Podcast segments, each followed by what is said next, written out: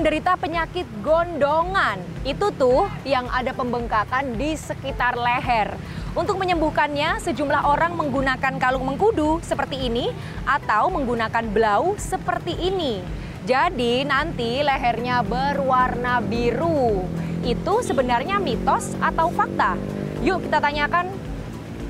Nggak pernah, tapi saya dulu pernah ada orang terdekat yang kena gondongan itu. Uh, benjolan besar gitu kan. Ada banyak keluarga yang pernah kena gondoan, terus dikasih blau dipasang di leher sini sembuh. Ya kadang tiga empat hari bisa sembuh. Baru tahu dari mbaknya. Kayak gitu. Belum pernah dengar saya malahan.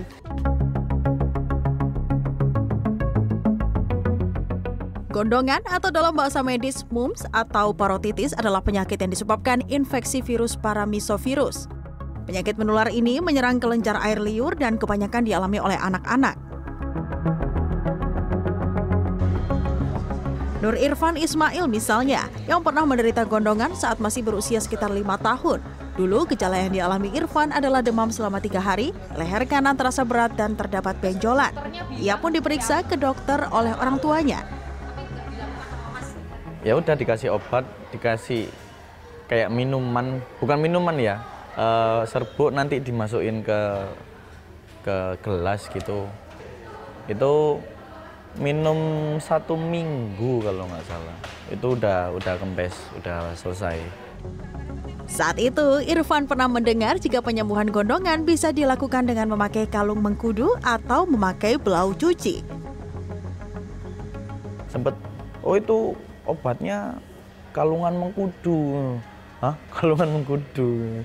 Kan aneh aja gitu. Tapi ya untungnya orang tua aku sudah enggak, enggak ikut itu, jadi enggak pernah ngerasain dikalungin mengkudu tadi.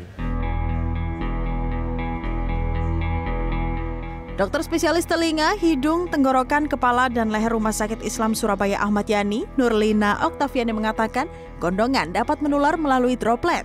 Misalnya saat pasien batuk, bersin, atau jika terkontaminasi dengan barang yang terkena ludah pasien. Gejala yang dialami penderita gondongan adalah pembengkakan pada area leher, mulai dari bawah telinga sekitar pipi atau pada bagian rahang. Biasanya, hal ini juga disertai demam, nafsu makan menurun, dan badan terasa lemas.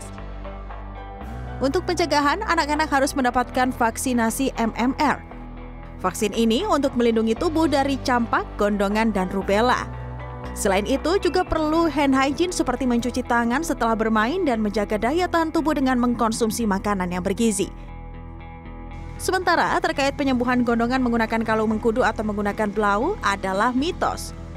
Uh, untuk biar anak-anak ini nggak keluar rumah karena kan lehernya kan dikasih biru-biru nanti dia malu uh, sama teman-temannya di luar, istirahat di rumah karena kan orang dengan gondongan kan harus banyak istirahat di rumah karena infeksi virus tadi itu. Dan juga yang bilang dikalungin mengkudu nanti bengkaknya bisa hilang. Enggak, padahal ya itu tadi karena kan mengkudu itu kan baunya kurang sedap. Jadi kalau misalnya dikalungin begitu nanti takutnya teman-temannya ngelihat ini apa dapat dikalung terus e, baunya nggak enak nanti jadinya dia malu sendiri akhirnya dia nggak jadi main Terapi bagi penderita gondongan, dokter akan memberikan obat-obatan sesuai gejalanya karena virus ini termasuk self-limiting disease atau penyakit yang bisa sembuh sendiri.